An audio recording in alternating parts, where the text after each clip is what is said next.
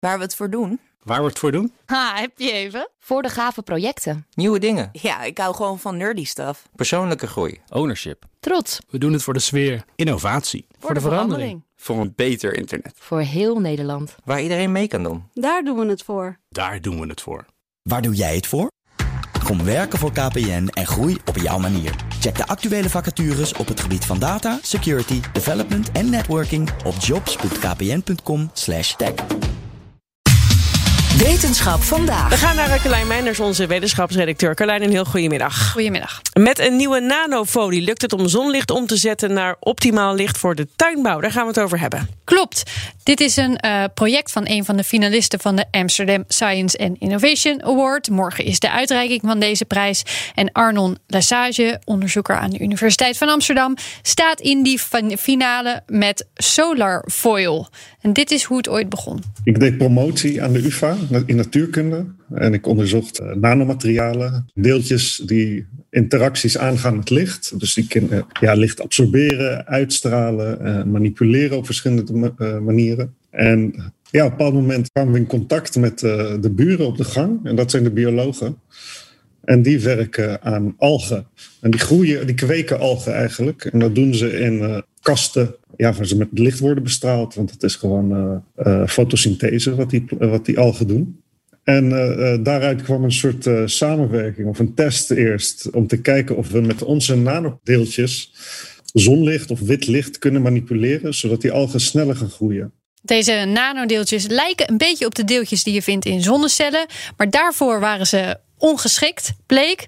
Uh, dus dacht Lesage, die met deze deeltjes werkte, waar zijn ze dan wel geschikt voor? Voor fotosynthese, zo blijkt. Want toen ze een laagje met die deeltjes licht lieten filteren, groeiden die microalgen ook echt 10 tot 20 procent beter. Maar de meeste telers werken niet met algen. Nee, precies. De volgende stap was kijken of dit ook voor planten werkt. En dat ziet er in ieder geval in het lab veelbelovend uit. En het gaat dan dus om een folie? Ja, dat was een van de dingen waar ze in het begin naar moesten kijken. Hoe gaan we die nanodeeltjes inzetten? We hebben lang gekeken of het nou in glas, op glas of als folie. Uh, uiteindelijk wil je het wel in iets hebben.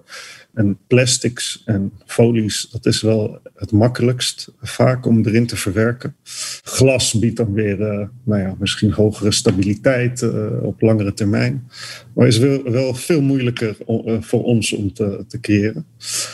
En um, ja, toen kwamen we ook achter dat eigenlijk met folies krijgen we veel meer mogelijkheden. Ja, je kunt in het geval van de algen de buizen waar ze in groeien zelfs helemaal van die folie maken. En als je naar kassen kijkt, ja, je kunt ze moeilijk allemaal nieuwe glasplaten gaan geven waar het in verwerkt zit. Dat is veel te ingrijpend. Een folie kun je gewoon op bestaande glasplaten plakken. Er wordt zelfs al met bepaalde folies gewerkt in de tuinbouwsector. Dus ook daarom was het heel interessant om daar naar te kijken. Ja, en wat doet deze folie met dat licht? Nou, de nanodeeltjes die erin zitten, die vangen dat zonlicht op en zetten het dan om naar blauw licht en rood licht. En zenden dat ook weer uit. Elke kleur door een ander type nanodeeltje. Dat bepaal je met het recept van dat deeltje.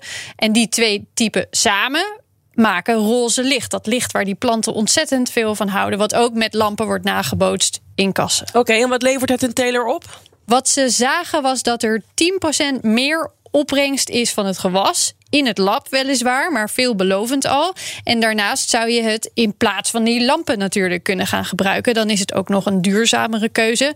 Of je gebruikt bijvoorbeeld folie overdag en zet je lampen pas aan als het donker wordt. Ook dat zou in sommige gevallen al behoorlijk schelen. Maar je zei al in het lab, ja. dus ze moeten nog aan het werk. Ja, uh, opschalen is zeker een uitdaging. Geldt een beetje voor alle andere finalisten ook. De meeste zitten nog in die beginfase, zijn hard op zoek naar investeerders. Maar de eerste testen buiten de deur in het echt staan wel gepland. Ze willen nog kijken naar de samenstelling. Die kan nog beter. Betere stofjes gebruiken die minder toxisch zijn.